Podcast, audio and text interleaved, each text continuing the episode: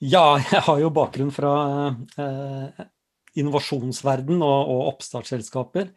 Eh, og i tillegg da til å jobbe til store selskaper. Og det, det har, en tanke som har slått meg ganske mye i det siste, har vært dette med finansiering.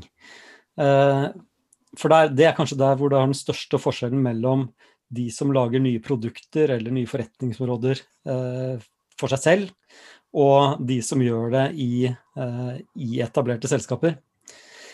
Og en sånn læring fra innovasjons- og startup-verden er at det å ha lite penger, eh, det å måtte være eh, Skaffe inntekter og gjøre seg selv lønnsom, er en fordel. Det er en fordel fordi man blir tvunget til å fokusere, og fordi dårlige ideer dør ganske, ganske fort og naturlig. Og så får det ofte type gründeren til å ta et valg som man er nødt til å gjøre, og som i ettertid kan vise seg å være helt avgjørende for, eh, for, eh, for at man faktisk fikk det til. Da.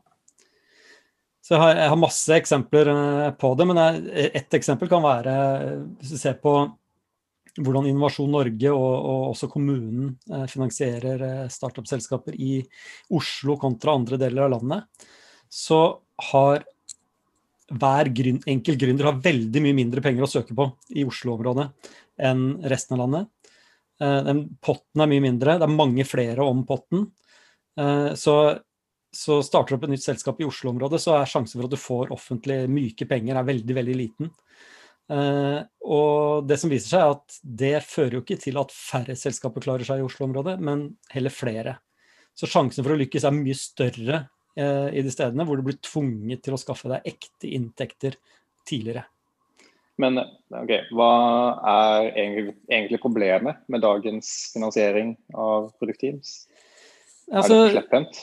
Ja, altså hvis du, hvis du, går på liksom ren sånn innovasjonsmetodikk, dette med å verifisere markedet, med verifisere kundebehov og sånt, så, så, er det et eller annet med den sannheten i at noen faktisk er villig til å betale for produktet ditt. Uh, den bør du ikke utsette å sjekke.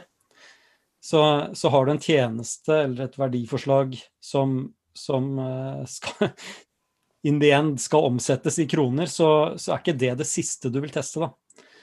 Um, så derfor er veldig mange sånne kurs og sånt for gründere handler om å liksom begynne selv nå. Hva, hva, har du nå som kan selge? Begynn å snakke med kunden det her, det her, er musikk i mine ører, for jeg som siviløkonom syns jo at vi ofte undervurderer akkurat den delen av idégenereringa som går på å utforske forretningsmodellen, og hvordan man skal sikre inntektsstrømmer. Og jeg vet altså jeg har ikke tall på hvor mange ganger jeg har hørt det at ja, men det kan vente. Det kan, det kan vente. Vi må bare få et produkt som folk liker først.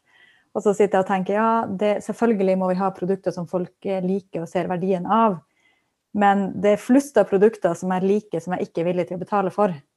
Og med mindre du da har en annen måte å få inntekter til å drifte det produktet på, så er det jo på en måte doomed. Mm. Det du vel snakker om her, Jens Andreas, er vel en slags sånn bootstrapping for produktteam? Ja. det er mange andre typer mekanismer da, som også benyttes i startup-verden for å finansiere selskapet. Crowdfunding og venner og familie og tradisjonelle lån og mm. engleinvestorer og, og WC osv. Ja. Jeg tenker sånn, Er det ikke litt avhengig av hva som er formålet med det du skal gjøre også? At du på en måte vil kunne finne varianter av alle disse måtene å investere i, også i en etablert verden med, med i et produktteam som fundes av et etablert selskap? Jo, jo det, det, det, er riktig. Eh, jeg tror det som er litt Det er, det er flere ting her. Du får en helt annen insentivstruktur hvis du er et startup-selskap, og det, det, selvfølgelig gjør noe med tempo og innsats og sånt men uh, men jeg tenker det som er interessant med den bootstrappingen eh, som det er Bootstrapping betyr jo at inntekter du får, er det du kan bruke. Så du har egentlig ikke så mye mer enn det du klarer å skape underveis. Eh, og så bygger du deg på Bygger du videre på det du allerede har klart å tjene. Så eh, fordelen med det er at betalingsviljen kanskje ofte er det mest springende punktet og mest kritiske punktet i forretningsplanen, eller forretningsmodellen. Og, og eh, altfor ofte utsettes til sist. Eh, og Det er sikkert mange gode grunner til det. Hvis man liker babyen og er så sikker på at det man har lagd er noe alle vil ha, så vil du, du vil ikke få motbevist det før, før du må. Eh, men det er farlig for selskapet, da. Jeg er enig i prinsippet for så vidt. Da, at man, eh, spørsmålet er hvor lang tid man skal få, da, og hvordan du skal finansiere det i mellomtiden. For selv også suksessfulle startups uh, bruker som regel tid på å skaffe seg inntekter. Så vi må jo ha, må jo ha en eller annen tidshorisont hvor man på en måte sier at ok, uh, og kanskje være litt mer strenge på det, da, eventuelt, hvis det er det du tenker på. Det er jeg jo ikke helt uenig i. Jeg tenker også at det er et eller annet i det der. fordi at det er en litt annen risiko når du gjør innovasjon i et etablert selskap. I hvert fall hvis du skal gjøre det under den etablerte merkevaren og ikke ha en sånn white label på sida. Eh, fordi at som en startup så kan du på en måte eksperimentere mye mer, og går det i dass, så er det startet opp et nytt selskap, på en måte. Men i et etablert eh, selskap så er kanskje fallhøyden da litt større da, på omdømmet. Mm. Ja, det er, det er, en sak jeg har tenkt litt på. Hvis du skal eksperimentere f.eks. da med prising. La oss si du har et verdiforslag, du tror du har et verdiforslag som, som gir verdi. Eh, og det kan godt være en verdi i form av eh, kundelojalitet. Eh, vi leverer en opplevelse som er så og så god, som igjen vi tjener penger på, for da mister vi færre kunder. Eh, så ligger det et eller annet uuttalt i det om at vi leverer en verdi som man faktisk ikke har testa.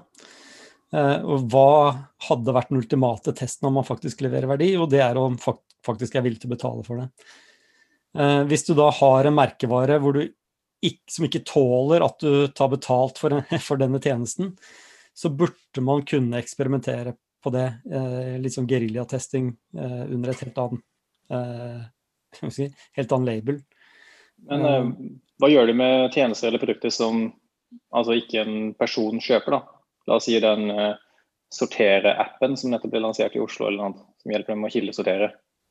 Dersom Oslo kommune hadde vært rigga på den måten der, og det hadde produktteam som skulle lage det produktet der, som ingen skal egentlig betale for, skal de bare måtte pakke opp? Ja, det, jeg, jeg, det syns jeg var et veldig bra eksempel, for det, det, er litt av poenget mitt. det er at hvis man klarer å lage en brukeropplevelse som er så bra eh, som man bør, så burde man klart å tjene penger på det òg. Om det er fem kroner måneden eller hva det er for noe. Bare prøve å utfordre seg selv til å tenke hva skal til for at noen betaler 20 kroner når vi laster ned den appen her? Ja, jeg tror akkurat det du sa der er et viktig poeng, at noen betaler. fordi at Idet man snakker om at det må være brukeren som betaler, da, da har man snevra det veldig inn. Eh, så jeg tror at poenget må være mer å utforske forretningsmodellen eller ulike inntektsmodeller da, der den som bruker det, ikke trenger å være den samme som den som betaler for det. Og det er jo helt greit hvis Oslo kommune sier at vi vil betale for den appen fordi det vil være bedre for miljøet og for samfunnet. Eh, og derfor tar vi regninga.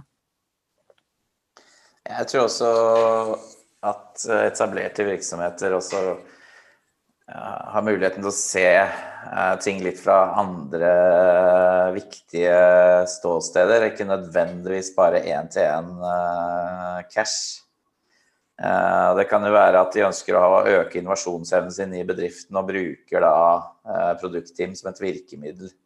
Så f.eks. hvis de har sagt at de vil skal bruke 80% av budsjettet sitt til, til kjernebusiness, og så skal de investere f.eks. 10% i å ut, utforske innenfor kjernebusinessen og 10 å utforske utenfor kjernebusinessen, så har jo egentlig etablerte bedrifter en, en, etablerer også en plattform for å teste ut, da, og egentlig ønsker å overføre den innovasjonsevnen tilbake til kjernebedriftene etterpå, med de tingene de lykkes med. Og da har det også en, en annen verdi enn i, i, kroner og øre, og som uh, man kanskje må ta med inn i vurderingen når man gjør det ikke bare i konteksten av et, uh, som en startup må gjøre, som må tjene penger innen uh, kanskje litt kortere tid. Mm. mm. Jeg, jeg, tror um, Ok, fordi uh, vi snakker egentlig om to ting. Én ting vi snakket om, er jo egentlig at du bør ha et fokus på lønnsomhet tidlig i prosessen. Det er egentlig en måte, misforståelse at det er liksom tredje steg. Det er egentlig en ting man tenker på hele tiden. egentlig burde tenke på hele tiden. Eh, og den andre tingen er jo at noen må betale for det. Trenger ikke være sluttbruker, men, eller virksomheten. da. Men for helt ærlig så sliter jeg litt med å skjønne dette, hvordan dette er annerledes enn hvordan vi gjør det i dag. Fordi Hvis jeg tenker tilbake til et prosjekt vi gjorde for lenge siden, eh, som var innenfor offentlig sektor. Det vi hadde var jo på en måte masse måleparametere som viste effekten og verdien vi skapte i eh, sektoren. Uten å tilføre en kroneverdi på det, men bare si at vi engasjerte så og så mange flere. Og det var det dokumentet vi brukte i budsjettprosessene for å få pengene. Så sånn sett så er ikke dette ganske likt, da, hvordan vi gjør det. Eller hva er forskjellen?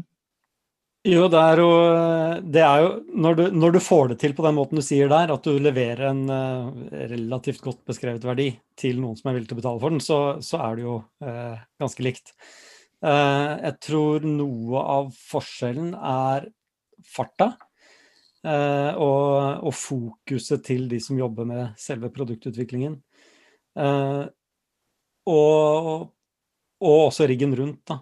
Så, så, hvis man hadde noe tilsvarende investormøter eller, eller eh, eier styremøter en gang annenhver måned eller et eller annet sånt for å se på de tallene, om man oppnår de verdiene man uh, har satt seg, og så eventuelt tilføres litt kapital da, for å gå videre, så, så, er man ganske uh, i mål.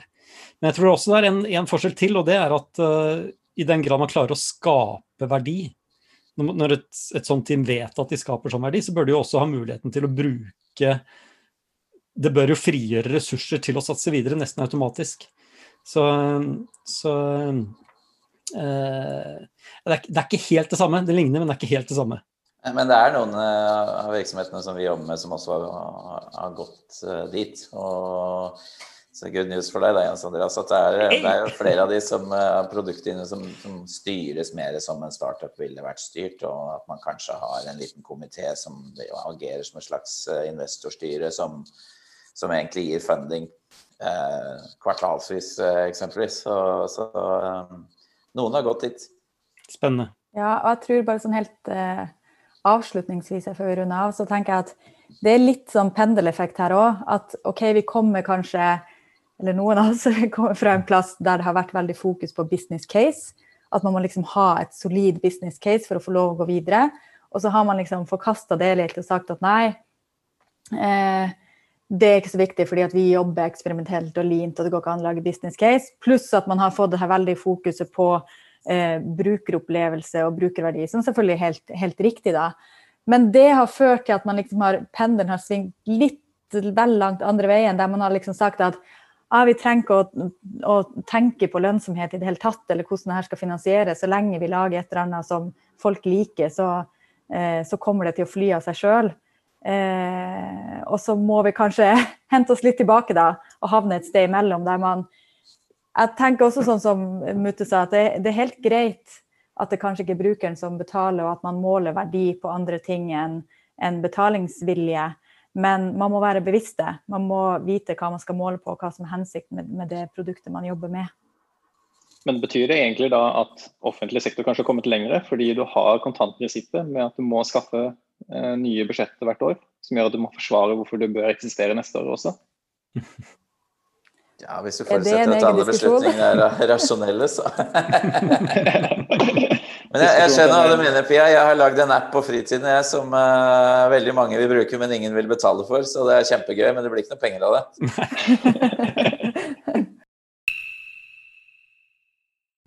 Drypp er en lavterskelpodkast fra Beck, hvor vi diskuterer diverse temaer som interesserer oss. Og Hvis du har et tema som du har lyst til at vi skal snakke om, eller du vil være med på en innspilling, ta kontakt på drypp.beck.no. Vi burde jo ha reklamert for denne appen til Jon, da. Ja, det, ja, det burde jeg gjort. Jeg kan klippe det inn, hvis du sier det. Det er ikke så farlig. Den heter Coach Annie. Den er for fotballtrenere. Uh. Det er Inge og jeg som lagde den. Coach Mange Annie. som bruker den. Spesielt i Australia, men den tok en helt annen vending. Den brukes i andre sporter enn det vi trodde. Mm. Oi, hva, men er det for fotballtrenere? For hva, hva gjør den? Det blir de aller minste barna, når du ikke husker hva de heter og sånn, og de skal ha lik spilletid og alle de greiene der, så styrer bare appen hvordan du skal bytte de ut og inn og gjøre alt sånt. Hvis du blir skada, så trykker du på knapp, så skal du, får du beskjed at da skal eh, en eller annen spiller inn isteden. En som du ikke husker navnet på.